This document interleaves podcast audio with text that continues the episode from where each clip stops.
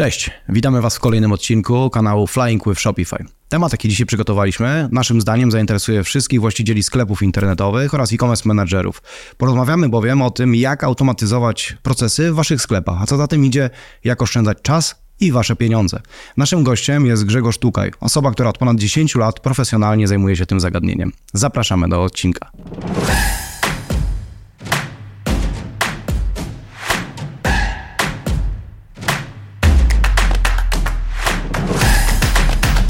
Cześć Grzesiu. Cześć. Miło Cię poznać na miejscu, na żywo i cieszę się, że znalazłeś czas, żeby do nas przyjść. Yy, Natomiast zanim przejdziemy do tematu, jakbyś mógł przedstawić się wszystkim, powiedzieć, co robisz na co dzień, jakie masz doświadczenie. Witam, nazywam się Grzegorz Tukaj. Jestem osobą, która pomaga e, układać procesy i automatyzować procesy, szczególnie w marketingu i sprzedaży. Mam ponad 10-letnie doświadczenie, jeśli chodzi o, o automatyzację marketingu i tu najbardziej takim znanym e, obszarze marketingu, czyli marketing automation, szczególnie w e-commerce. Natomiast e, obecnie już jakby pomagam firmom w innych procesach sprzedażowym, czy to też w marketingu, ale ułożeniu jakby całościowo procesów. Super. E, tak jak powiedzieliśmy, tematem dzisiejszej rozmowy i to, o czym chcielibyśmy porozmawiać, jest e, to, w jaki sposób powinniśmy e, pomyśleć o automatyzacjach wprowadzonym przez nas e-commerce, no bo nie oszukujmy się, za automatyzacją procesów y, kryje się duża oszczędność, często właśnie czasu i pieniędzy.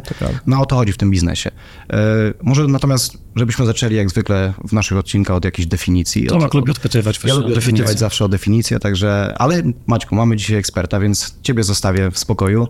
Grzegorz, jak nazwałbyś, czym są automatyzacje procesów i czy, tak jak wspomniałeś, one dotyczą przede wszystkim obszarów marketingowych, czy być może w ramach e-commerce moglibyśmy automatyzować też pozostałe procesy, które występują w tym ekosystemie. W pierwszej mm, jakby tutaj definicji musimy założyć sobie, że żeby móc coś automatyzować, musimy mieć proces.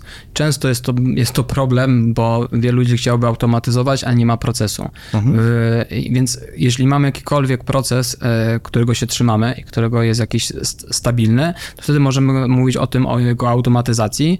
E-commerce jest specyficznym e, dziedziną, gdyż większość rzeczy jest automatyzowana, jeśli chodzi o sprzedaż. Tak, mamy proces dodawania produktu do koszyka, przejścia przez checkout i jest to jakiś proces taki linearny, który oczywiście ktoś, użytkownik, klient może zakończyć, natomiast jest jakiś to proces. Um, więc y, jeśli miałbym powiedzieć, jeśli o taką pierwszą definicję, no to są to automatyzacje procesów, a procesy muszą, muszą być. E, w drugiej kolejności to, co nie widać, e, to to jest automatyzacja pracy ludzkiej, tak? I, I, to jest jakby coś, co teraz się obecnie dzieje i wykorzystanie AI w takiej codziennej pracy. Jest to coś teraz oczywiście na topie i, i teraz tutaj wszyscy mówimy o jakichś nowych wersjach czata GPT, e, natomiast jakby tych e, narzędzi jest coraz więcej do wykorzystywania i tu jakby taką stricte definicją jest zmniejszenie, zwiększenie efektywności zmniejszenie czasu pracy nad konkretnymi zadaniami. Mhm. A jeśli idzie właśnie o, o, o te procesy, bo no, tak jak powiedziałeś, to powinien być e, wstęp w takim razie do tak. stworzenia automatyzacji. E, w jaki sposób się za to zabrać? E, co musimy mieć przygotowane, żeby, żeby w ogóle te, te procesy automatyzować? Czy w jaki sposób one powinny być udokumentowane, spisane? Czy jak, jak się do tego podchodzi? W, w, pierwszym e, takim zagadnieniu, czy, czy w pierwszym etapie musimy myśleć procesowo. Mhm. Myślenie procesowe polega na tym, że rozwiązujemy zadanie, które mamy, czy to w zespole, czy to indywidualnie, i rozkładamy je na czynniki takie pierwsze, które do rozwiązania tego problemu posłużą tak e, przejście krok po kroku przez, przez, te, e, przez te zagadnienia. I, I wtedy możemy mówić o takim myśleniu procesowym. Później oczywiście dobrze jest spisać te procesy, tak żebyśmy wiedzieli, co się, co się, mm, e, co się dzieje w firmie, mhm. w e-commerce, stricte w e-commerce mamy jakby kilka tych kategorii, bo możemy mieć e, automatyzację czy procesy związane z magazynem, e, możemy mieć e, procesy związane z logistyką, z obsługą klienta, no i czysto z mhm. marketingiem.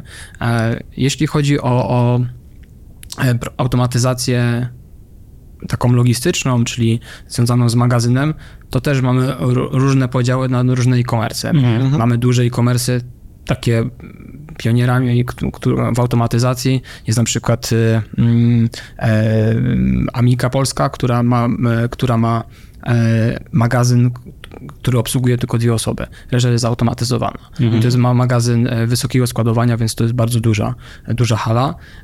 Ale też mamy sklepy, które mają magazyn w garażu, czy to też z dropshippingu. Tu i tu możemy wdrażać automatyzację i procesy, bo to nie jest zależne od wielkości. Oczywiście te procesy różnią się e, skomplikowaniu, bo jeżeli mamy magazyn w garażu, no to wystarczy, że mamy poukładane półki odpowiednio i to zależne od, od jakiegoś tam systemu, em, który sobie wybierzemy, e, no to ta, tak będziemy mieć e, tą, tą logistykę taką swoją garażową e, poukładaną. W dropshippingu czy w innym fulfillmencie jesteśmy trochę uzależnieni od partnerów zewnętrznych, natomiast to i tak jest jakiś tam proces, który, e, który firmy posiadają. Jeśli chodzi o, o, o dalsze inne e, e, rzeczy, no to tak, tak, to, to tak samo wygląda. Musimy mieć jakieś zadanie, jakąś rzecz, coś, jakiś stan, który e, chcemy doprowadzić i wtedy przygotowujemy proces, rozrysowujemy go. On nie musi być piękny. Oczywiście są e, techniki, jak tworzyć procesy. Natomiast wystarczy, żeby w jednym miejscu, bo to, to jest ważne, żeby mieć to w jednym miejscu. Bo często zdarza się tak, że niektóre procesy mogą na siebie nachodzić. I wtedy są konflikty, wtedy zazwyczaj pojawiają się jakieś błędy. To znaczy proces związany z, z płatnością, ktoś nie dokonał zakupu, a, znaczy ktoś nie dokonał płatności, bo coś się wydarzyło, ale informacja już poszła na magazyn. E, e, no i paczka została wysłana, a na przykład nie zostało zapłacone. To są takie e, case'y, które e, gdzie są kolidowane, gdzie się kolidują procesy, tak? I wtedy trzeba mieć to pod kontrolą. Mhm. I wtedy też e, rozumiem, że za pomocą automatyzacji jesteśmy w stanie wyłapywać e, to takie edge case'y. Tak. Tutaj też e, ta logistyka i ta część backendowa trochę e-commerce, tak bym to nazwał, e, jest mocno zautomatyzowana. Wiele narzędzi, których e-commerce używają, mm, e, czy PIME, czy, czy, czy, czy rzeczy związane z agregatem e, e, z różnych platform, czy z marketplace'ów, czy, czy, czy, czy z jakichś innych jeszcze platform do jednego narzędzia, one mają już automatyzację w sobie zaszyte, więc już ta część taka tej pracy została już wy, wykonana. Często to, co jest do, do zrobienia, to takie wewnętrzne e, procesy e, firmowe. Tak, i to, to trzeba na pewno przepracować. No i zakładam, że te procesy też nie muszą być takie e, linearne, tylko one mogą być, e, mogą gdzieś tam uwzględnić pewne rozgałęzienia, różne tak, tak, różne oczywiście. To, to, tak, i to różne scenariusze i też e, różne zależ, zależności. To, co jest ciekawe i fajne w procesach i tworzeniu tych procesów, to taka stabilność, bezpieczeństwo. Każdy z nas lubi być, mieć poukładane pewne rzeczy, nie lubi pracować w chaosie. Często to dotyczy też pracowników, bo gdybyśmy sobie zapytali sobie pracowników e-commerce, na przykład w magazynie, co, czego nie lubią, no to właśnie takiego chaosu. Bo jednak wydawanie paczek i to, to jest jakiś tam em, e, e, proces i on musi być dobrze poukładany nie oceniam jakby pracy w Amazonie, ale, ale e, jednak Amazon może być takim przykładem myślenia procesowego. Tak mówię, nie, nie chcę oceniać, czy e, instrukcja przejścia z jednego e, stanowiska na drugie powinna wynosić 30 sekund, czy tam ileś, bo to może jest za bardzo. Natomiast jeśli chodzi o myślenie procesowe, no to układanie procesów poprzez Amazon, no to jest, bym powiedział, taki już level, level high. No, wydaje mi się właśnie, że, że w kontekście choćby tego Amazona i takiego wyliczenia każdego kroku, to, to, to myślę, że jakby zamysłem pewnie jest to, że te procesy pewnie pomagają bardzo mocno skalować e, firmę i w momencie, gdy przychodzi nowy pracownik, to on może się zapoznać z tym procesem, dowiedzieć się w jaki sposób ma swoje obowiązki, konkretne czynności wykonywać, tak żeby no, gdzieś nie wprowadzać jakiegoś takiego pierwiastka chaosu do organizacji firmy. Tak, i to też jest bardzo ciekawe i też jest taką odpowiedzią, e, jeszcze mówię o backendowe rzeczy, jeśli chodzi o e-commerce, że mm, Amazon jest na całym świecie e, jakby dostępny, mają taką samą e, instrukcję, jak, jak, jak pracować i tak samo bym powiedział jak McDonald's. Z Historią czy sukcesem McDonald'sa to są powtarzane procesy po prostu I, i jak tego burgera tego samego i ten smak uzyskać w Polsce, w Czechach czy, czy w Stanach i, e, i, i tutaj tak powiedziałeś, skalowalność jest, jest czymś bardzo, bardzo ważnym. szczególnie przy rotacji pracowników. Na rynku, w zależności oczywiście od branży, ale jest taka rotacja pracowników, a żeby utrzymywać tą samą jakość, no to te procesy powinny, powinniśmy pracować po prostu nad tymi procesami. Chciałem jeszcze dopytać o e, takie praktyczne e, narzędzie, jeśli idzie o właśnie dokumentację tych procesów. Czy no, firmy, zakładam, że nie, nie dokumentują tego w, w notesie, e, tylko albo, albo jest to, nie wiem, czy to jest jakieś Miro, Miro, tak. jak zwał, tak zwał tak, zazwyczaj to są jakieś takie graficzne e, opisy? Tak, możecie się zdziwić, ale bardzo dużo e, e zarządzających ma na kartkach w notesie. Okay. I jest to, jest to problem, natomiast gdy czasami spotykam się z zarządami czy z CEO e, e-commerce, no to pokazuję, ok, tak powinno to działać. Oczywiście to się rozbiega z rzeczywistością, bo, bo często tak jest, że te procesy są tworzone w głowach właścicieli, jak to powinno wyglądać, a, a realnie to jest zupełnie coś innego. Natomiast e, właśnie właśnie w Miro, e, czy to w Lucid, czy, czy jest wiele narzędzi, które pomagają do automatyzacji, e, czy, czy w ogóle do tworzenia takich procesów. E, jedne już wykorzystują AI, drugie nie, natomiast zazwyczaj to nie ma kompletnie znaczenia, jeśli chodzi o narzędzie. Ważne, żeby firma wiedziała o tych procesach. W sensie jakby każdy pracownik wiedział, gdzie może ten proces znaleźć i zweryfikować, czy, czy, czy tak jest.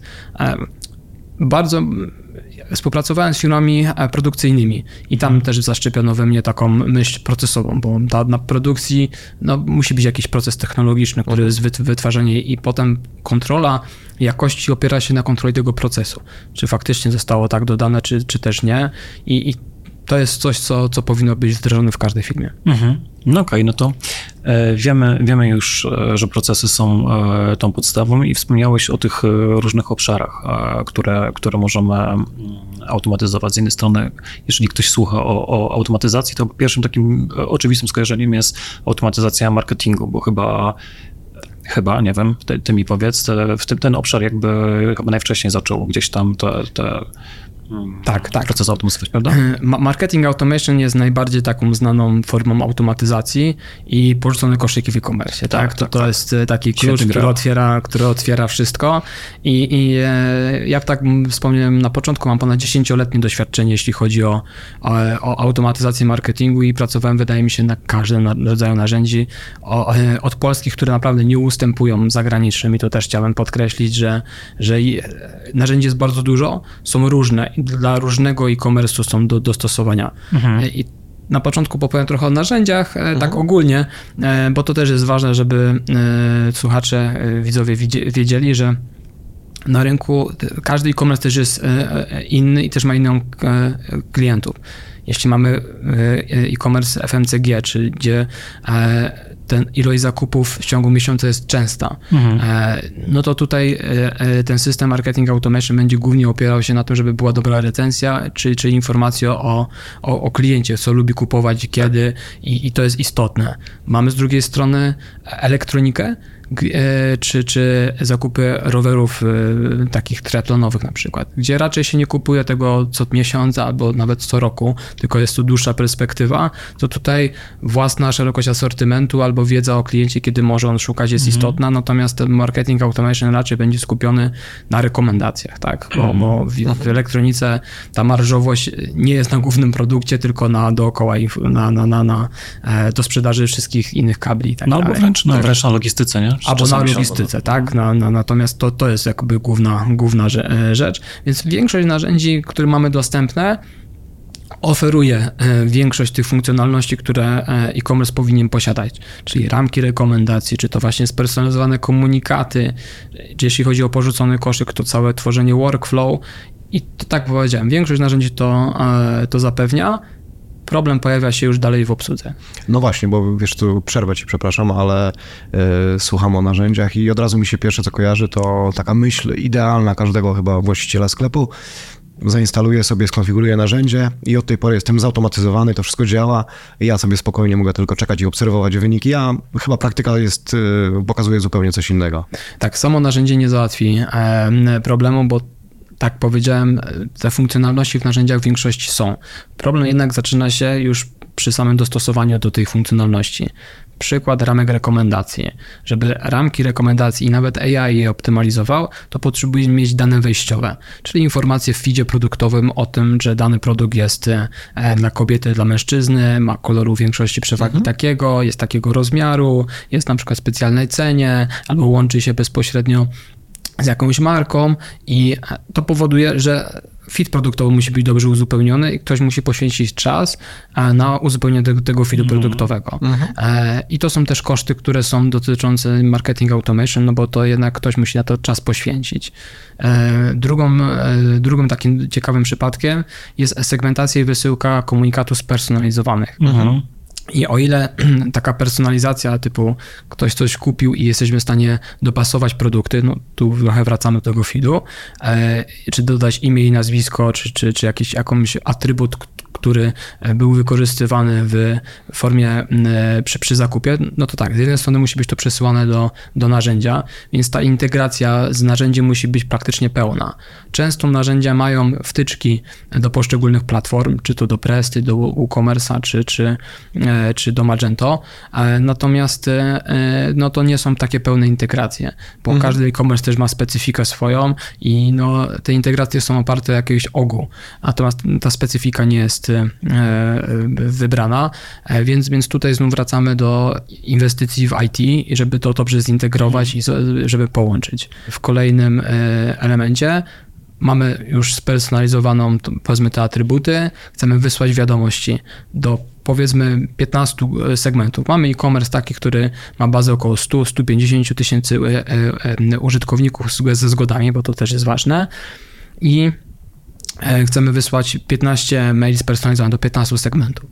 Ktoś te maile musi przygotować. Nawet gdy zoptymalizujemy tę, tą wysyłkę w postaci bloków dynamicznych, czy też rekomendacji produktowych, no to też ta, na przykład ten baner graficzny, e, na przykład jeśli chodzi o, o segment związany z, e, z produktami e, eko albo produktami e, z nabiałem, jeśli chodzi o FMCG, no to tutaj muszą być nawet te banery zunifikowane i ktoś to musi przygotować, więc to jest kolejny nakład pracy jakby wewnątrz organizacji poświęcony na, na automatyzację. I tak można byłoby wymieniać de facto bez końca, mało się bierze pod uwagę przy wyborze narzędzia właśnie tą dodatkową pracę, jaką musi być wykonana, wykonana przy wdrożeniu, czy potem już przy obsłudze e, takich narzędzi.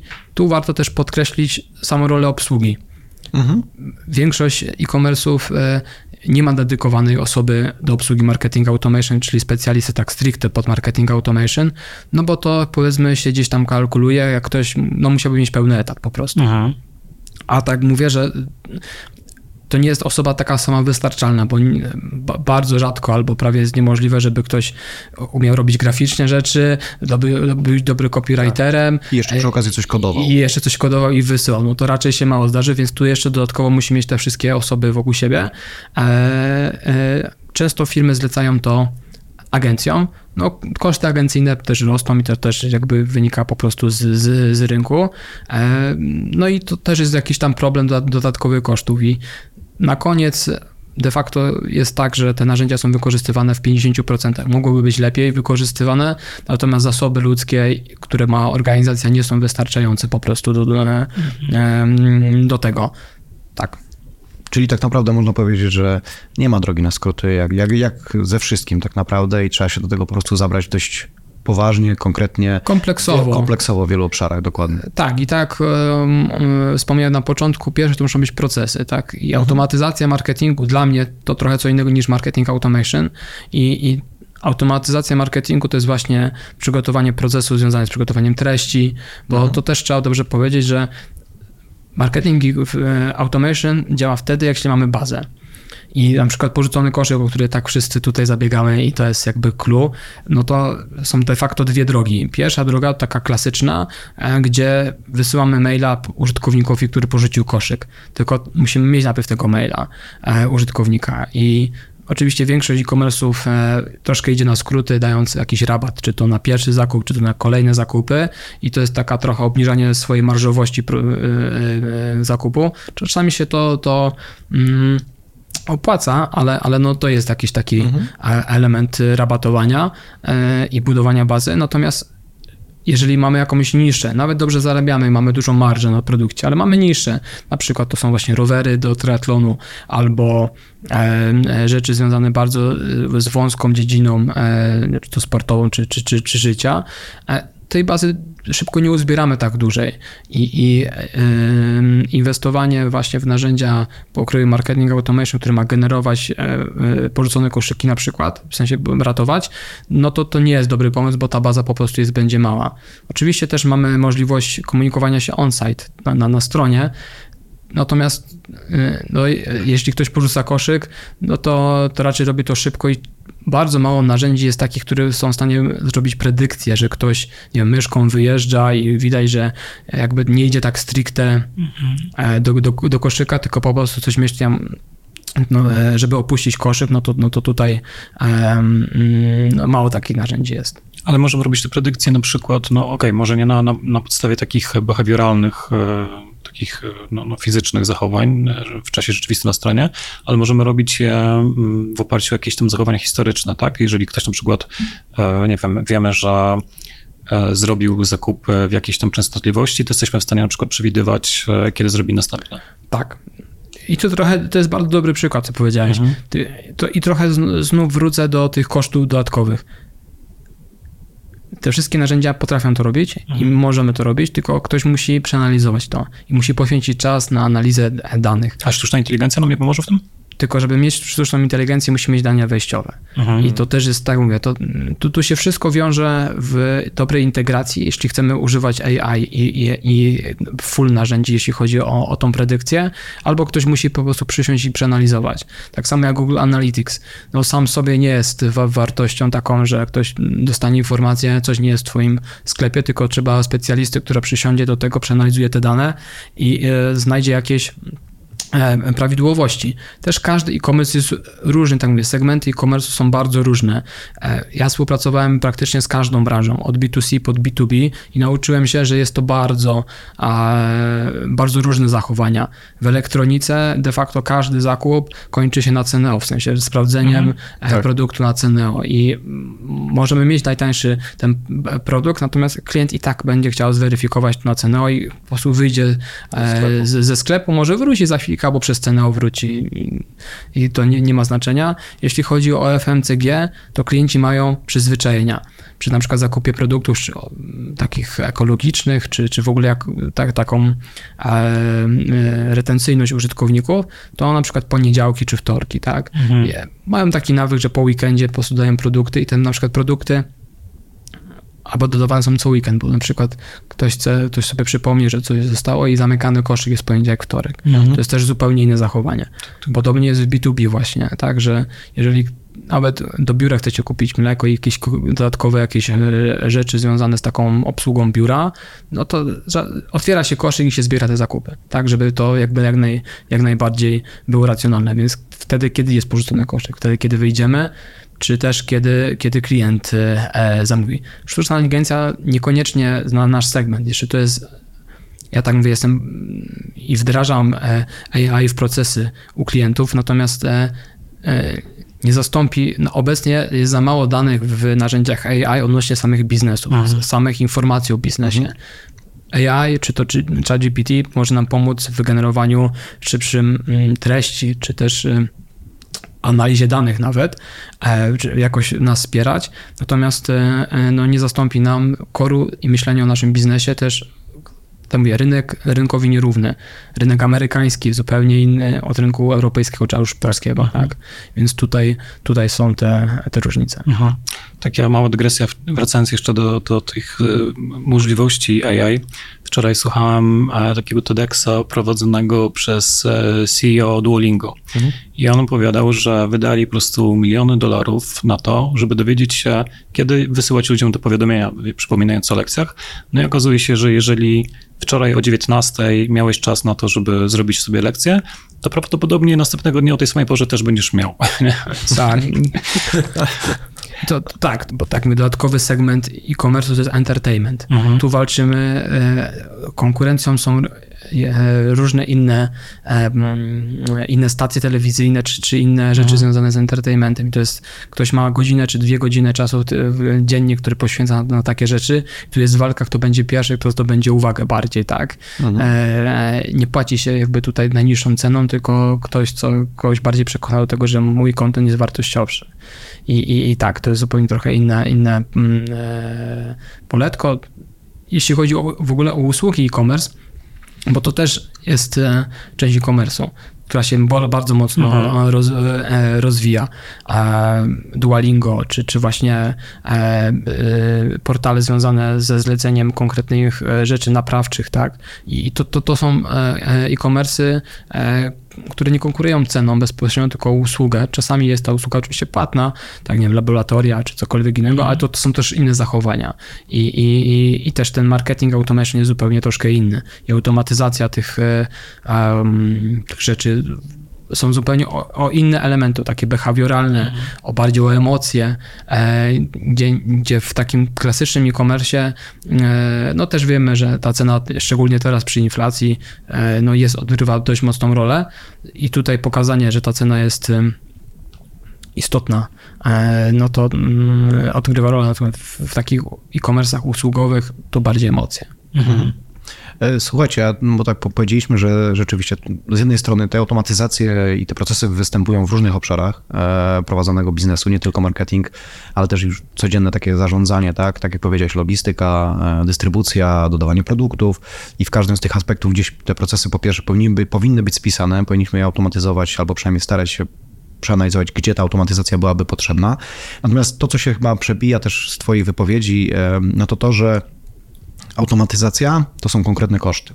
Koszty te bezpośrednio związane z narzędziami, ale koszty też z ludźmi, które przy, którzy przy tym pracują. Więc moje pytanie, e, które, które sobie w tym momencie jakby tak zadaję naturalnie, to to, w jaki sposób ocenić, e, że automatyzacje, które chcą, które wprowadzam do siebie do sklepu, e, są dla mnie po prostu opłacalne, że to, że ja zaprzęgnę ten sztab ludzi i przy okazji jeszcze kilka narzędzi do tego, żeby mi pracowało się wygodniej, tak, i z jednej strony, żeby sklep zarabiał więcej, to w jaki sposób mierzyć to, czy ja to zrobiłem poprawnie i czy rzeczywiście przyniosło mi to tą korzyść, którą zakładałem pierwotnie. Tu dobrze powiedziałeś i tu słowem klu- klucz jest mierzyć, bo e, jeżeli nie mamy zmierzone ile czasu poświęcamy na konkretne rzeczy, jeżeli de facto nie mamy trochę procesów, ja, e, analizy e, tego, ile dany specjalista czy, czy dany pracownik nam poświęca czasu na, na tworzenie treści, na przygotowanie maila, czy, czy e, na obsługę klienta, to nie będziemy w stanie de facto dobrze sobie odpowiedzieć na pytanie, co nam ten marketing automation da. Więc tu słowem klucz to jest mm, mierzenie i, i takie uprocesowienie po prostu tego. Um, naturalnymi rzeczami, jeśli chodzi o marketing automation, to są takie podstawowe wymiary, jak większość jednego op- tych komunikatów opiera się na mailach, więc tutaj główne takie wskaźniki mailowe, czyli open rate, CTR i przychody po last kliku, jeśli chodzi o, o, o te rzeczy, to jest w ogóle taka trochę degresja, a być może też informacja dla, dla narzędzi marketing automation, bo to jest prześmieszne. Większość narzędzi marketing automation ma swoje e, analityki i i, i pokazują to jako coś e, fajnego. I ja się z tym zgadzam, e, że są te dane być może bardziej, bardziej e, doprecyzowane pod kątem oczywiście narzędzia, natomiast na koniec dnia to e-commerce manager czy, czy dyrektor odlicza się z Analyticsa i z, z, ze swojego działu sprzedaży, czy z CRM ataki i, i to jest na koniec dnia źródło prawdy. I, i nieraz spotykam się z takimi rzeczami, że agencja, która obsługiwała performance przychodzi, że zarobiła 300 tysięcy z, z kampanii, a po czym I pokazuje raport z, z Analyticsa, po czym mm, agencja, która obsługuje marketing automation mówi, że ja też zarobiłem 300 tysięcy, a, a w CRM-ie i na koncie pokazuje się, że zarobiliśmy 500 i w sensie Mhm. potem jest takie, Tak. okej, no to, to, to, no to kto, Kto- mówi, kto tak naprawdę ile zarobił? zarobił? zarobił. I, no bo to jednak te kanały się przeplatają. Tak. Ktoś, kto zobaczył maila, niekoniecznie musiał kliknąć, bo czasami ta informacja jest, że coś jest przecenione, a po prostu kupię sobie później. A, albo a, a, a ktoś zobaczył maila, a kliknął w reklamę. To No to jest chyba kwestia y, modelu atrybucji, tak? Jak, tak, natomiast, natomiast to jest właśnie jeśli chodzi o taki wy, wymiar czysto finansowy, bo, bo, bo tutaj pewnie e, też narzędzia pokazują swoje case study i pokazują te przychody. Tutaj No, wracając do, do, do, do pytania właśnie jak mierzyć. No to te przychody, natomiast to, to jedno źródło prawdy powinno być zdefiniowane już wcześniej przed, przed jakby mm, implementacją ma- marketing automation. Drugie, no to e, tak, takim drugim zagadnieniem to jest jednak optymalizacja czasu pracy. To, co powiedziałem, że jednak ten e, marketing automation e, w znacznej mierze pochłania czas, e, to wynika właśnie z tego braku procesów, bo jesteśmy w stanie sobie tak przygotować, i tu mówimy teraz już o automatyzacji marketingu, czyli struktur e, zespołów i, i całych e, wewnątrz, że newslettery tworzone są na przykład poprzez bloki dynamiczne w oparciu o, e, o, o feedy produktowe czy o, o Excel, tak? Piszemy tylko content w Excelu i on się automatycznie już przenosi do narzędzia, czy to do odpowiednich rubryk. Jeśli chodzi o tworzenie grafik, no to też tu też dobrze wiecie, że na przykład w Figmie czy w Canvie jesteśmy w stanie zrobić sobie automatyzację, dopasow- e, zrobić jeden szablon, gdzie mamy różne wymiary grafiki i, i sobie już dopasować e, i pod jedną kampanię jesteśmy w stanie jedną grafiką wygenerować e, w ciągu chwili e, powiedzmy nie wiem, 15-20 rozmiarów. I to jest już taka klasyczna automatyzacja marketingu, gdzie optymalizujemy te koszty pracy e, em, e, em, pracownika. Jeśli chodzi o fit produktowy, to tak mówię, na początku trzeba zdefiniować, co jest tam kluczowe, co klienci chcą, bo tu problem też jest tak, na co klienci zwracają uwagę. Często są to wymiary e, i, to, mm, i to jest też e, jakiś tam e, rodzaj do automatyzacji, bo te wymiary są oczywiście czasami podawane w, w różny sposób, natomiast to jest jakiś tam wy- wyróżnik, trzeba na to poświęcić czas i pomyśleć, jak w tym feedzie produktowym te wymiary dobrze opisać. No i jak to się już zrobi tak procesowo raz, to akurat przy opisie produktów czy wymiarach, jeśli to produkty nie są nowe, takie, e, coś się pojawiało na rynku, to ja testowałem to u kilku klientów i ten chat GPT na przykład bardzo dobrze przygotowuje, tak? Że bierze średnią e, i, i jest w stanie na przykład przygotować opis, czy, czy faktycznie powiedzieć, że dane rozmiary są mm, dopasowane, tak? I to już jest coś, co nam faktycznie pomaga e, w realizacji mm, tych rzeczy. Tak, no i analiza danych, no to tutaj mm, już bezpośrednio jesteśmy w stanie e, sobie policzyć koszty czasu pracy. Tak powiedziałeś, że fajnie by było zrobić automatyzację na przykład e, klientów, którzy widzieli dany produkt i jakiś produkt łączony, bo to chodzi o predykcję i czas poświęcony na tą analizę. E, to jeżeli my wiemy, które dane chcemy analizować, to też i czy ChatGPT, czy inne narzędzia AI są w stanie nam już pomagać w tym, żeby agregować te dane w jakiś sposób i już pierwsze wyniki wniosków sobie gdzieś tam e, na bazie promptów e, przygotowywać, tak? T- tylko później je weryfikować, no bo jeszcze nie, nie, jesteśmy na tym etapie AI, żeby by zawierzyć w 100%. Czyli, czyli tak naprawdę y, no, składowe są dwie. Jedna to jest jak, jak mocno zwiększyły nam się przychody w naszym sklepie po wprowadzeniu takiej automatyzacji, a drugie jak dużo zaoszczędziliśmy czasu w tej codziennej obsłudze y, właśnie tego sklepu. Tak, tu do przychodów jeszcze tak doprecyzuję, bo to też przychody są bardzo ogólne. Tak wspomniałem, e, tu mamy czysto z bazy przychody, tak, czyli e, liczymy sobie e, czas między pierwszym a drugim zakupem klienta, no bo to jest istotne w kontekście naszej bazy, potem drugiego zakupu i trzeciego. Im ten czas mniejszy, tym, tym lepiej.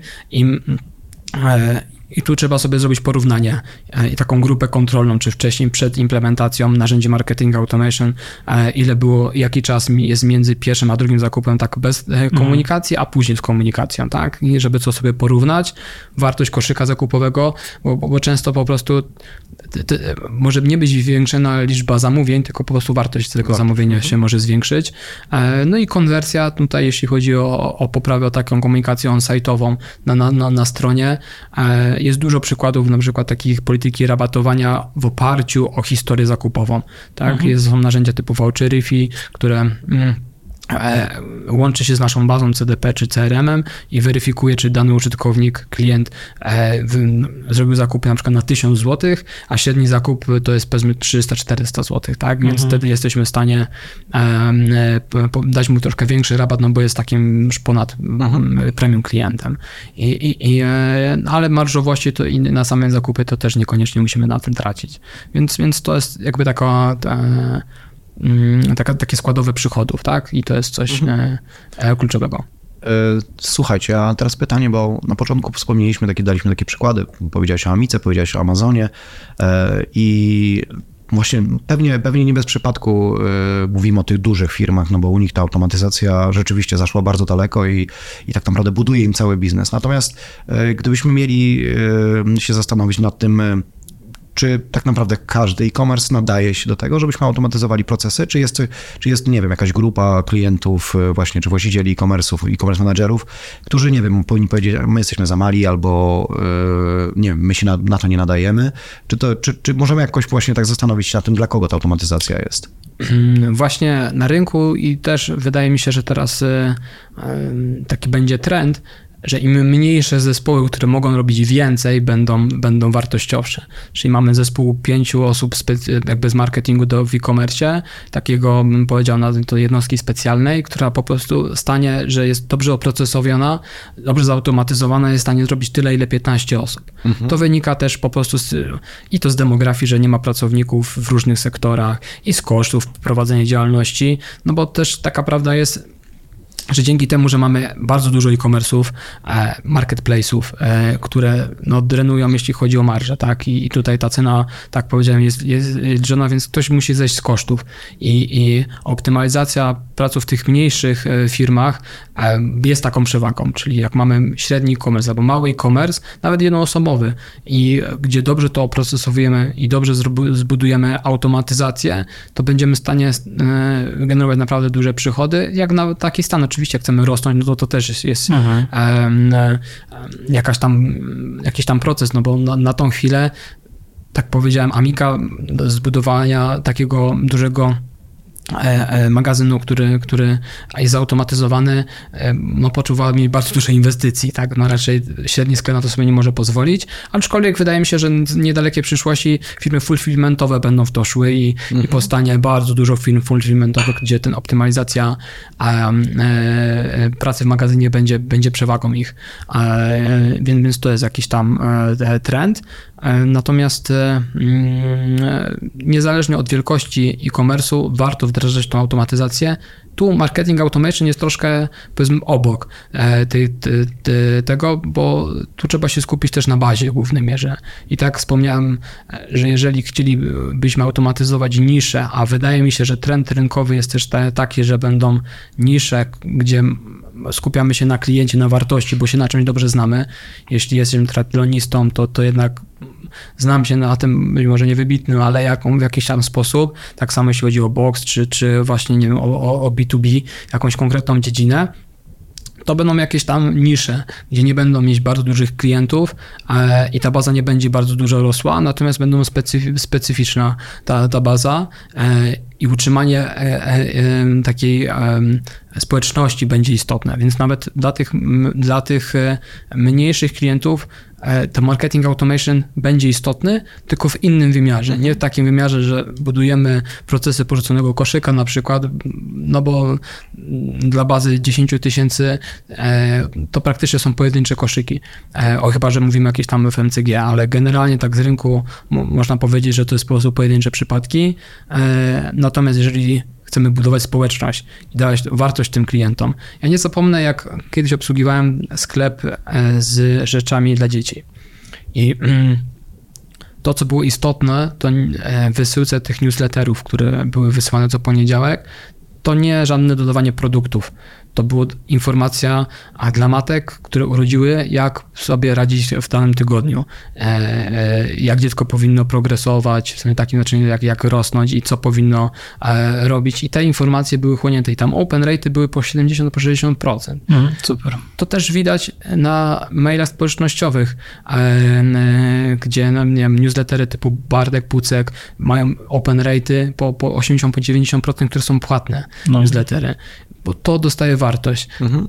Też wracam do, do, żeby dać tą wartość, to trzeba poświęcić czas tak. I, i trzeba mieć tą wiedzę przede wszystkim. Natomiast jest to pewien sposób e, na budowanie, na budowanie e, relacji z klientami i, i wydaje mi się, że ten marketing automation i automatyzację muszą pójść, tak powiedziałem, w dwóch kierunkach. Jeden strony to optymalizacja kosztu pracy, czy, czy jakby takiego performance'u, produktywności, a w drugie to, to, to tworzenie społeczności, a nie takiego wysyłania e, czysto informacyjnych, e, szablonowych. No ja się tutaj totalnie jakby zgodzę z, e, z tobą. Myślę, że ten e, budowanie z jednej strony właśnie tej marki, z drugiej strony właśnie te dawanie klientom wartości, no to jest e, jedyna sensowna taka długofalowa strategia, no bo performance marketing do pewnego momentu będzie, wiesz, im więcej pieniędzy wsadzisz, tym, tym więcej on przyniesie, ale w pewnym momencie to się wypłaszczy i, i, i po prostu będziesz te budżety gdzieś tam przepalać. I, i to nie jest jakby metoda na to, żeby gdzieś e, systematycznie rosnąć, a rzeczywiście dawanie tej wartości,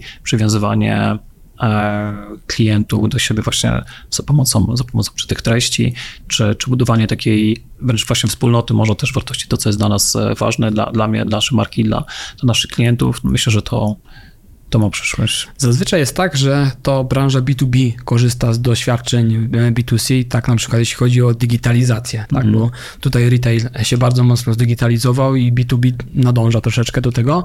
E, Natomiast w obszarze komunikacji wydaje mi się powinno być odwrotnie, bo jednak jak tutaj pracujemy raczej w B2B, więc wiemy jak tam na przykład prospecting robić, tak, Tak. Czy, czy dawanie wartości, czy pisanie do klientów, e, to powinno się trochę przełożyć na B2C, tak, czyli właśnie pisanie wa- o, o, raczej o rozwiązywaniu problemów e, i, i, i o dodawaniu wartości. Oczywiście to B2C też rządzi się emocjami i to też trzeba wyważyć, bo to też nie jest tak, że kupienie nowego spodni czy coś wiąże się z problemem. Czasami tak jest, ale, ale w większości przypadków jest tak, że, że to jednak emocje i pokazywanie, pokazywanie takie instagramowe em, produktu e, jest, jest, jest istotne, natomiast to, to też trzeba po prostu wyważyć. Mhm. No mi się wydaje, że to na dłuższą metę takie newslettery, które przychodzą ra- raz w tygodniu i po prostu ciągle mówią do klienta kup, kup, kup, nie, to, jest, to jesteśmy my, to jest nasz produkt, kup, no to nie, nie ma to przyszłości. E, Znaczy, tak, ktoś powie, że e-mail już e, umarł, to już parę razy.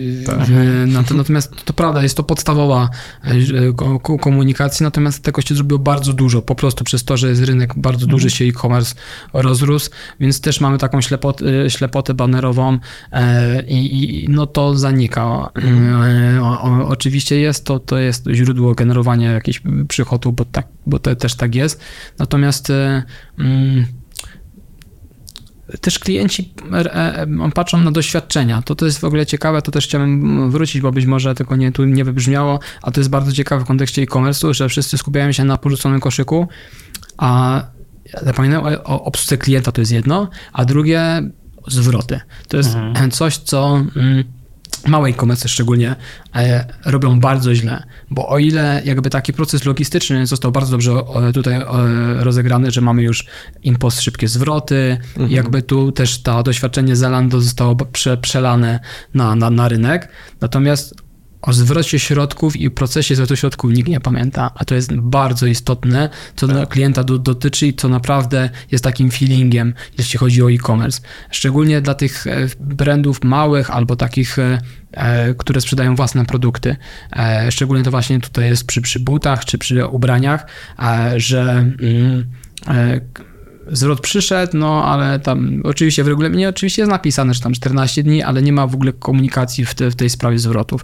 Tu mamy newslettery, tu wysyłamy piękne i tak dalej, a w ogóle komunikacji do tego, jak zwrócimy środki, kiedy te środki, jak w ogóle jaka procedura, to, to o tym zapominamy, tak? I to jest jakby coś, co, mm, co zupełnie e-commerce zapominają, a na koniec jeśli ktoś dokonał raz zakupu i później nie wraca, to trochę jest nasz problem już. I też warto by było, gdyby e-commerce sobie tak do tego podchodziły. Czyli jeżeli już przekonałem klienta do tego jednego zakupu, to dlaczego on nie wraca ponownie? I, i czasami być to może być oferta, czasami może być to coś innego, ale też mało klientów to bada. Mało wysyła informacji tak zwanych NPS-ów, e, żeby dostać feedback od klientów, co można poprawić, albo coś się wydarzyło złego, że nie wracają. Czasami jest to logistyka, która jest niezależna od, od e-commerce'u, tak? Bo kurier zgubił paczkę, albo coś się wydarzyło. E, ale, ale w większości przypadków to jest właśnie e, niezgodny opis tam z produktem czy, czy z czymkolwiek, natomiast no, to nie ma takiego, takich relacji między klientem a sklepem. Też te newslettery wysyłane przez klientów mają taką wymiar jedno, jednej drogi, taki, że mamy tu ofertę dla ciebie, ale już z drugą stronę, co byś ty chciał nam powiedzieć, to już nie ma, tak? I, i, i e, wydaje mi się, że też chat GPT po tych nowych e, zmiana i budowania własnych e, e, mini-chatów będzie taką, tak, takim, e, e, taką namiastką takiej ko- korespondencji, bo testowo wdrażałem u jednego klienta taką usługę klienta, żeby ktoś, kto mm, ma pytania na maila, mógł odpowiadać tak jak w czacie. I, i jesteśmy w fazie testów tego, więc nie mogę powiedzieć o wynikach jeszcze, ale, ale to jest coś, co, co klient jakby już taką wchodzi interakcję. E, i tak zaprojektowany jest ten, mm, tak, ta komunikacja obsługi klienta, że no, po prostu nawet jeśli się zdecyduje na zakup poprzez maila, to dostaje link e, do płatności i musi w ogóle wchodzić, e, wchodzić w, w, e, do sklepu internetowego, tak? Tylko link do płatności i tam już może wypełnić swoje dane. Częściej już zaciągnia, zaciągnęły. Więc to, wydaje mi się, że ta ta automatyzacja raczej powinna pójść w tą stronę. Mhm.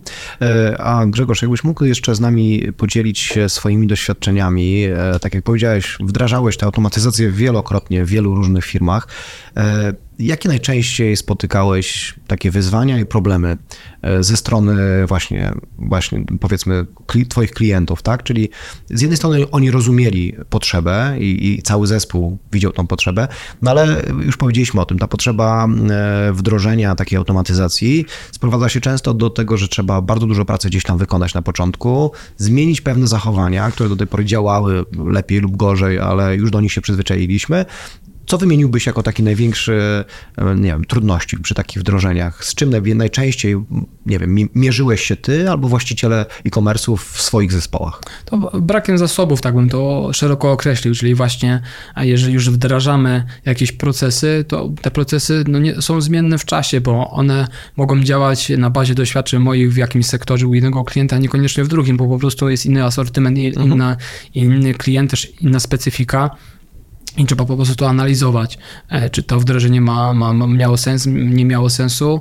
E, tak samo jeśli chodzi o, o testy segmentacji, czy testy związane e, z wysyłką newsletterów, czy, czy w ogóle z taką komunikacją, czy to z pop-upami, czy z pushami, czy, czy z SMS-ami. I to, to, to, to tak bym nazwał. Dwa, jeżeli już mamy jakiś backlog rozwoju tych automatyzacji, to, to trochę do, dowożenie tego w postaci właśnie większej czasu na, na przygotowanie na wysyłki, czy, czy, czy jakiejś takiej automatyzacji w ogóle procesów wewnątrz firmy, bo tak, tak wspomniałem i tak tam przez całą rozmowę wspominam, w głównej mierze trzeba też zautomatyzować pracę wokół tego i tak uprocesowić tą pracę jeżeli ja jestem troszkę z zewnątrz, to mogę powiedzieć i trochę mogą e, osoby posłuchać, ale to się samo nie wykona. Mhm. Więc tutaj ta praca jest u właśnie u menadżerów czy, czy u, u, szefów, e, żeby wdrażać to organizacyjnie. I to jest taki problem e, zrozumienia po prostu tego, tego procesu. Mhm. Co, co ciekawe, jest to problem marketingu sprzedaży, tak szeroko powiem, bo na produkcji na przykład tam nie ma dyskusji, każdy wie, że to po prostu musi być tylko do, doprecyzowane, raczej firmy płacą o to dla specjalistów, jak mogą usprawnić proces, tak? Mhm. Czyli e, czy szafa powinna być 5 metrów jedną, czy drugą, no bo zaoszczędzimy 2 minuty na, na chodzeniu, a 2 minuty e, razy tam 8 godzin, no to czy tam jakby całego procesu to, to robi się jeden produkt, produkujemy więcej, nie? Mhm. I to, to, to, to jest takie myślenie procesowe, które brakuje w e-commerce, brakuje w usługach. Mhm. zrozumienia tego i polecam właśnie, ktoś ma znajomych, czy pracują, pracują na produkcji, albo w wojsku, bo wojsko też jest jednym z większych firm, które jest uprocesowione tak do bólu. Tak. Bym powiedział, czasami może za bardzo, może nie, natomiast e, to są to, to są dobre nawyki po prostu. I też jak rozmawiałem, bo też trochę zacząłem się interesować tą wojskowością, pod kątem proceduralnym, tak właśnie przepływu informacji i rozmawiałem z, z, z, z osobami z, z, takiego okręgu, no to pokazało mi właśnie, jak, jak myślenie procesowe jest zaszczepione po prostu, no bo tam też przychodzą różni ludzie z różnymi doświadczeniami, tam nie ma miejsca na to, żeby ktoś dywagował negocjacje, negocjacje że mamy taki charakter, mamy inny po prostu procedury. Czasami one są złe, czy, czy nie przystoją do, do, do obecnych czasów, to, to zgoda, ale, ale generalnie to, to, jest, to, to jest optymalizacja procesu. Mhm. E a jak... Myślę, że dobrze byłoby taki wojskowy w Amazonie zatrudnić. Tam, no. Tak, są. I to, to, to mam powiem akurat... znajdują. Tak. Gdzieś słuchałem jednego podcastu e, właśnie jak, jak jest stworzony Amazon na ten, no to wojskowy tam są bardzo dużo odgrywają rolę. O. Tak, bo tak, tak samo właśnie przy McDonaldzie, przy, przy, też jakbyście zauważyli, to to te największe firmy to są amerykańskie i one są skalowalne po prostu, Mhm. tak? I, I tam odgrywają rolę mm, e, wojskowej bardzo dużą rolę po prostu. Jeśli sobie patrzymy na przykład teraz, co się dzieje na Bliskim Wschodzie, na Izrael, tak, jak, był w stanie zmobilizować x tysięcy e, e, wojskowych i już pomijając jakby czy słusznie, czy niesłusznie, to chodzi o sam proces po prostu. Jak w stanie jesteśmy 300-400 tysięcy ludzi zebrać w jednym miejscu, wysłać, poinformować i tak dalej. To jest po prostu cały proces, cała, cała pętla decyzyjna, kto, gdzie, jak i to jest, to, to skala jest niespotykana. Mhm. E, No dobra, słuchajcie. Jeszcze, jeszcze mam pytanie właśnie do tego mm, do ostatniego wątku, Tomek, który tu tworzyłeś. Ja zastanawiam się, czy spotkałeś się e, z taką sytuacją w którymś z zespołów, gdzie robiłeś właśnie takie wdrożenie, że zespół jakby obawiał się w ogóle tej automatyzacji w takim sensie, że ona e, troszeczkę ich zastąpi i wie- wiesz, stracą pracę i nie wiem, poszli tam palić serwerownie, na których stało narzędzie do, do właśnie to do automatyzacji. Myślę, że nie. Tu mam bardzo dużo takich ciekawych wniosków raczej z wdrożenia CRM-u, bo też jakby gdzieś tutaj mam do doświadczenie i dział sprzedaży raczej staje okoniem, raz mi ktoś rzucił długopisem po prostu, że nie będzie, że nie będzie tego robił, bo, bo, no bo nie, bo on jest przyzwyczajony, że jedzie z klientem na e, spotkanie Na i, i, to jest, i to jest jakby to między, nie, nie będzie przygotował notatki, bo to, to co on rozmawia, to, To to jest, to jest relacja, To jest to- relacja i koniec. I to raczej jest tego typu. Raczej nie obawiamy się, jakby, czy nie spotkałem się z takimi obawami, że ktoś mnie zastąpi. Raczej to jest e, zmiana procesu i tak bo też na początku powiedziałem, że to trzeba mierzyć. Więc jakby obawy są raczej o tym, że na przykład trzeba e, logować czas pracy.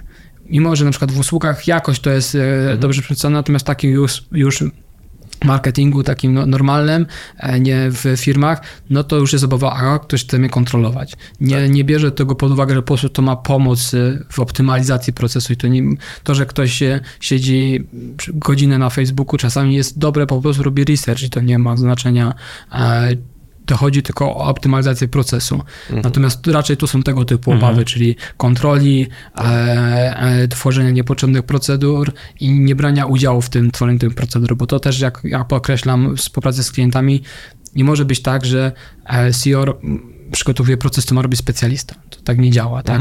Jakby każdy e, musi być co najmniej tylko pion niżej, tak? Czyli jeżeli mamy CEO, mamy jakichś pośrednich menadżerów, no to to są procesy, czego CEO oczekuje od tych menadżerów, a, a nie od specjalistów, bo to na dole to zupełnie może wyglądać inaczej i to wyobrażenie, że e, specjalista na przykład od social mediów siedzi, tylko pisze te posty, a nie, nie patrzy, co emocjonuje ludzi, nie jest w temacie, no, no, no to, no to e, e, nie jest niewidoczne z, z poziomu CEO, tak? Więc, więc to, to są takie obawy raczej. Mhm. Czyli tak chyba szeroko takie tak, tak, tak zwane obawy w ogóle przed zmianą. No, Tak, tak, to tak, jest tak, po to jest prostu dobre zmiana, nie? rozwiązanie. Trzeba, trzeba się na to, na to przygotować. A właśnie, jeśli mówimy o przygotowaniu, e, jak widziałbyś e, tak, takie najbliższe trendy w e-commerce związane właśnie z automatyzacją marketingu? Czy w którym kierunku twoim zdaniem to, to, to powinno iść albo będzie szło? Jakie są, jakie są twoje takie Tak, obserwacje? wsz- wszyscy tutaj też trendy na rynku pokazują tą hiperautomatyzację, tak, czyli jakby zawężenie i, i skumulowanie do tego, że będziemy dostawać jakby jeden do jednego produkty. To, co byśmy chcieli przewidywać i predykcja tych, e, tych, tych rzeczy. Jakby Wyzwaniem jest pozyskanie informacji. Mm, mm, I tu, tu, raczej te automatyzacje, które będą obecnie rozdziały, to raczej będą skupione na tym, żeby pozyskać informacji jak najwięcej, czyli od nas. Czyli ile mamy dzieci, a jakim wieku, a jak poruszamy się, czy pracujemy zdalnie, czy z domu, bo to definiuje też trochę tego, e, jakie mamy potrzeby. Jeśli pracujemy z domu, to raczej nie potrzebujemy więcej ubrań, Mhm. bo, bo raczej tam wystarczy, ale liczba, e, czy, czy kawę, czy, czy, czy, czy wodę, czy inne rzeczy e, jakby sch- schodzą więcej tak w nowym budżecie, więc tutaj raczej taka zbieranie informacji, automatyzacja o zbieraniu, zbieraniu informacji e, i trochę to patrząc na AI i patrząc na Binga, patrząc na ChatGPT, to raczej forma, forma robienia personalnych asystentów, tak, czyli Wyobrażam sobie, że za niedługo będziemy mieć na swoim komputerze personalnego e, e, asystenta, który będzie się uczył z nami, tak? Czyli No, zwłaszcza po tym releasie teraz ostatnim, nie? tak, Panie- tak, że będziemy właśnie kupować nowy komputer i, i on będzie zbierał dane, wszystko co, co robimy i na bazie tego a, będzie nam rekomendował produkty, będzie podpowiadał i będzie raczej taką osobą doradczą, tak? Czyli moglibyśmy sobie stworzyć takiego doradcę właśnie, który będzie nam pomagał tworzyć, prowadzić e-commerce. Tak, tak. No, my, my, Ucząc się na naszych danych. my, myślę, że to jest jak najbardziej. Tu problemy są trochę regulacyjne powoli, o, bo jednak e, tu też trzeba wziąć pod uwagę, że to wdrażanie AI, o ile tak mówię, pisanie tekstów to też już jest tak, no ten pytanie komu prawa i tak dalej. Są to jakby dyskusje i, i, i mm, no, na razie jakby rząd się polski czy unijny przygląda temu, natomiast jeszcze powoli jakieś tam regulacje konkretne kraje wprowadzają. E, Natomiast jest to jakiś, jakiś em, problem. No i też pytanie, o ile my swoje dane możemy użyczyć, w sensie jesteśmy w stanie jakoś to sobie e, zracjonalizować, że prowadzimy taki e-commerce może średni, większą korzyścią będzie e, analiza danych przez chat GPT niż, niż te dane sadzimy, e, ale już przy większych organizacjach, przy korporacjach, no to to już jest mm, raczej e, taki temat do działu prawnego i to może być jakiś tam bloker, ewentualnie jakby tworzenie instancji u siebie, u siebie na serwerach, tak? Mhm. Ja jeszcze tak się zastanawiam, żeby, mm, żeby może dać taki praktyczny poradnik takiego szybkiego startu. Mhm. Jak, jakbyśmy mogli, jestem, e, jestem właścicielem e-commerce i chcę zacząć automatyzację, wiem, że muszę zrobić e, procesy w pierwszej chwili. To jaki jest następny krok? Nie? Czy powinienem wybrać sobie narzędzie? Jeżeli tak, to właśnie jakie byłyby dobre na początek?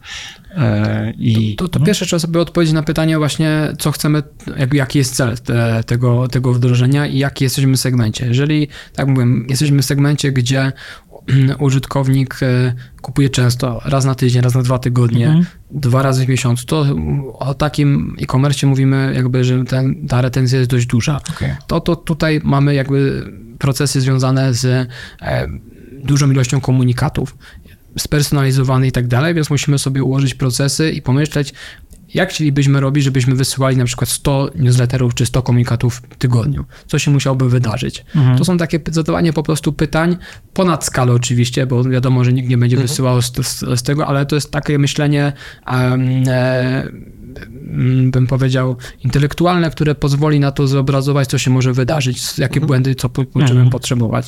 Em, Jeśli chcemy wdrożyć dobrą personalizację produktową, to jak możemy zebrać e, inf- informacje o tym produkcie jak najwięcej w feedzie, tak? Co musiałoby się wydarzyć? Ile osób musiałoby na tym pracować? E, czy to raz wystarczy zasilanie, czy możemy użyć czata GPT albo w jakąś inną e, wtyczkę AI? I jeżeli już wiemy to i wiemy, o, e, e, co chcemy osiągnąć, no to szukanie narzędzia, tak? Bo, bo, bo, bo, bo narzędzie, tak mówię, jest bardzo dużo, Czyli dobieramy je po prostu do, do, do, konkretnych potrzeby? potrzeb i do konkretnych celów. Są narzędzia, które raczej się specjalizują w, tak mówię, w retencji, dobrym segmentowaniu Mhm. i bardzo szybko są w stanie e, e, dopasować liczbę atrybutów, która jest bardzo duża, na przykład, nie wiem, tam e, produkty FMCG, no co tak mówię, gramatura, wielkość, e, e, data, data e, e, e, przeterminowania, to jest ciekawe, bo na przykład mamy kosmetyki ekologiczne, gdzie ta data jakby jest krótsza niż czy produkt ekologiczny, niż, niż, niż taka normalna. I tu sprzedaż, czy w ogóle sortowanie po magazynie tych pierwszej partii, które są ważne, jest istotne, bo jeżeli ich nie sprzedamy, no to wyrzucę mi do kosza po prostu. Mhm. Więc to są też takie automatyzacje, informacje o tym feedzie produktowym są e, ważne dla nas jako, jako, e, jako biznesu, tak? E, Więc, więc to jest tu istotne. A później dobór tego narzędzia e, wedle, wedle po prostu tych, e, tych, tych swoich specyfikacji. No okej, ale powiedzmy tak, mamy jedno narzędzie do, do marketing automation, wybieramy sobie tam czy Klaviyo, czy na przykład nie wiem, czy jakiś tam e, HubSpot, czy, Mhm. czy co tam komu jest potrzebne. E, Mamy jakieś, nie wiem, inne narzędzie do tego, które pomoże nam zarządzać magazynem, czy, czy gdzieś tam pracą na, e, zautomatyzuje nam pracę właśnie tego zespołu obsługującego e-commerce, czy to właśnie obsługę klienta, czy realizację zamówień, czy realizację zwrotów, ale czy jest jakieś takie jedno narzędzie takie mm, centralne, które to wszystko gdzieś tam spina w całość, czy musimy właśnie pracować w kilku różnych miejscach, być troszeczkę właśnie rozproszonymi? Oprócz tego są jeszcze narzędzia takie, które wspomagają integracji między narzędziami, jak Zapier, Tak, właśnie. To chciałem po, po, powiedzieć, że możemy zrobić to na dwojaki sposób. Mhm. Jeden to jest taki klasyczny ERP, czyli te narzędzie do zarządzania całym przedsiębiorstwem. Mhm. Są tańsze, droższe, ale jednak to jest, dla, wydaje mi się, dla większych firm, przynajmniej dla takich dość mocno zorganizowanych, albo dla na przykład produkcyjnych, które jeszcze mają ten dział produkcyjny. Natomiast mamy dużo narzędzi typu właśnie Zapier, Zapier Make, które e, pomagają integrować na narzędzia i to, to też jest jakby element automatyzacji procesów, czyli wybieramy sobie jedno narzędzie, które e, integruje nam i de facto teraz tych narzędzi no-code nie potrzebujemy programistów, tylko potrzebujemy, em, po, potrzebujemy em, osoby, która myśli procesowo. Bo jeśli chodzi o Zapiera, to wystarczy nam prompt i nam wyskoczy teraz automatyzacja, jaką potrzebujemy. Czyli chcemy, żeby e, aktywne kamp- kampanie, które obecnie mamy, by- były e, w Airtable czy, czy w Google Spreadsheetie, nie ma problemu. I nie musisz tego nawet wyklikiwać, tylko Nie, mówisz tak, mu, nie? I tak. ono pisze kawałek kodu. Do, do, dokładnie, na, na, dokładnie wpisuje się prompt i wyskakuje automatyzacja i, i, i e, nawet e, jest, e, są rozwiązania AI, jeśli chodzi o kodowanie, w sensie potrzebujemy mieć, e, zmienić sekundy na milisekundy, nie ma problemu, to po prostu zostanie napisany JavaScript i, i, Tak, to tak, zostanie zmienione. Więc umiejętności programistyczne nie, nie, nie musimy mieć. Musimy mieć umie, umiejętności, tak mówię, czysto takie myślenie procesowego i żeby to dobrze poukładać, jedno miejsce takie, gdzie mamy wszystkie dane, taką, czy to Airtable, czy to właśnie Google Spreadsheet, bo to w zależności już od preferencji i później te informacje wysyłamy do poszczególnych narzędzi, tak? I my mamy taką wie- wiedzę o całym firmie, o, o, o całym e, przedsięwzięciu, a, a narzędzia wiedzą tyle, ile powinny, czy- tak, do, do, do skutecznej komunikacji z klientem. Mhm. Jeżeli ktoś chciałby się dowiedzieć nieco więcej na temat automatyzacji, jak zacząć e, właśnie z tym pracować, dedukować się, to, to co byś polecił, jakie, jakie źródła? To przede wszystkim e, na YouTubie, bo dużo jest tych e, rzeczy na YouTubie. E, też jest dużo firm, które się specjalizuje. Nie mam tu jednego źródła takiego, który, który, który by, by mówił o takich narzędziach marketing automation. Są osoby, które wydały książkę o marketing automation, czy, czy, i warto je przeczytać. No, no, natomiast tu trzeba po prostu tak kompleksowo podejść i, i wydaje mi się, że mm, przede wszystkim e, zrozumieć własny biznes, tak po, powiedziałem. Tutaj e, zrozumieć na, na czym my zarabiamy, co chcemy, e, a później edukować się, jeśli chodzi o, właśnie konkretne rozwiązania i raczej w konkretnych segmentach, bo też marketing automation, tak powiedziałem, w różnych segmentach różnie wygląda i, i narzędzie jedno może nie sprawdzić się w, w drugim. Tak, i to jest jakby coś, co, co warto, warto wiedzieć. Też dużo firm prowadzi warsztaty czy doradztwo w za- zakresie e, dodawania, e, przygotowania wdrożenia. Tak, warto po prostu się pospotykać i też po, porozmawiać z ludźmi z branży. No to mi tak naprawdę właśnie też tak e, po, po, naszej dzisiejszej rozmowie, czy tak na koniec naszej dzisiejszej rozmowy e, włączyło się takie, e, takie myślenie, czyli zacznijmy myśleć procesowo, jako właściciele sklepów. Przestańmy już tylko wszystko klikać ręcznie myślę, że tylko my potrafimy to zrobić najlepiej. Lepiej poukładać pod to po prostu proces, myśleć przez pryzmat tego, gdzie chcielibyśmy być, jak bardzo potencjalnie chcemy się zeskalować, bo dzięki temu właśnie jesteśmy w stanie sobie zaprzęgnąć takie, takie automatyzacje procesowe e, do nas. I chyba ostatnia rzecz, którą, jak Maćku pytałeś właśnie, jak do tego podejść i, i po kolei jakie kroki wykonać, to chyba ostatnia, której mi tam powiedzmy brakło, to jest to, co wspomnieliśmy wcześniej, czyli mierzmy nasze, nasze wyniki i oceniajmy sobie to na bieżąco, jak nam ta automatyzacja działa i jak ją dalej optymalizować, bo pewnie jak w wielu procesach e, wprowadzenie takiej automatyzacji e, to jest tylko pierwszy krok, a optymalizacja, ciągła e, poprawa tego wszystkiego jest chyba naturalna i, i trzeba się po prostu też na to przygotować w oparciu o właśnie te wyniki, które, które dostajemy. Dokładnie tak, tu, tu jest właśnie pierwsze to wdrożenie, nawet nie zastanawianie się, czy ten proces e, ma jakiś głębszy sens, tak w sensie bo lepiej wdrożyć go i sprawdzić, czy po prostu on działa, czy też nie, albo tak jak do tej pory to, to działało, tylko ustrukturyzować go i później go optymalizować, bo procesy są zmienne w czasie, bo się zmienia sezonowość, produkty. Często to też widać właśnie u klientów, że e, te procesy są zupełnie inne, jeśli chodzi o lato, o zimę, bo, po prostu jeśli chodzi o, o, branżę fashion na przykład, tak? E, Natomiast mierzenie i optymalizacja tego procesu jest istotne. Tak. Gdyby ktoś chciał się z tobą skontaktować, w jaki sposób najlepiej cię złapać? To zapraszam na LinkedIna, tam jest, tam postaram się publikować e, regularnie, ale też zapraszam e, na mojego LinkedIna. Mhm. E, przyjmujesz klientów aktualnie jeszcze do, no właśnie... E, Tak, staram się, staram się jakby w miarę pomagać klientom, jeśli chodzi o konsultacje, to, to, to staram się to robić regularnie. Czasami to się kończy tylko na konsultacjach, bo też operacyjnie cza- czasu mi po prostu w tym brakuje, natomiast jakby w głównej mierze, w głównej mierze tak, staram się. E, Rozmawialiśmy przed spotkaniem o tym, że przygotowałeś dla, dla słuchaczy taki zestaw, e, powiedzmy nazwijmy to startowy czy poradnik, jak e, z gotowymi automatyzacjami. Możesz powiedzieć, co, co się w nim Tak, e, znajdzie? W tym narzędziu mamy spis ponad 100 automatyzacji, głównie związane z marketing automation. Jest tam opis, są po- podstawowe rozpisane, e, rozpisane e, procesy, jak one powinny wy, wy, wyglądać jak powinny być mierzone i, i e, statystyki, jak to powinno być przygotowane. Wszystko jest w narzędziu Notion, które jest moim trochę odkryciem, bo jest to narzędzie, które jest w stanie agregować e, praktycznie wszystkie narzędzia od Miro, po właśnie e, Google Spreadsheet i przedstawiać je e, w sposób jed- jednolity w jeden, w jeden rzecz. Tak, i to, to możecie znaleźć. Wydaje mi się, że jeśli ktoś ma narzędzie marketing automation już wdrożone, to może tam znaleźć automatyzacje, które może wdrożyć od razu.